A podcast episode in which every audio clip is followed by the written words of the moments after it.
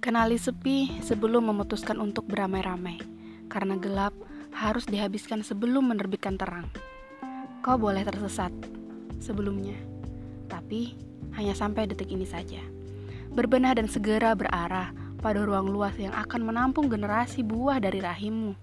Karena jika sesat jiwamu kau turutkan, wahai empu, maka satu buah di rahimmu akan merusak satu peradaban. Untuk perempuan, masa depan selalu menjadi tanggung jawabmu. Kau mengelak hanya percuma, hanya akan menambah koyak adab bangsa. Maka, berjuang untuk perbaikan dirimu adalah berjuang untuk perbaikan bangsamu.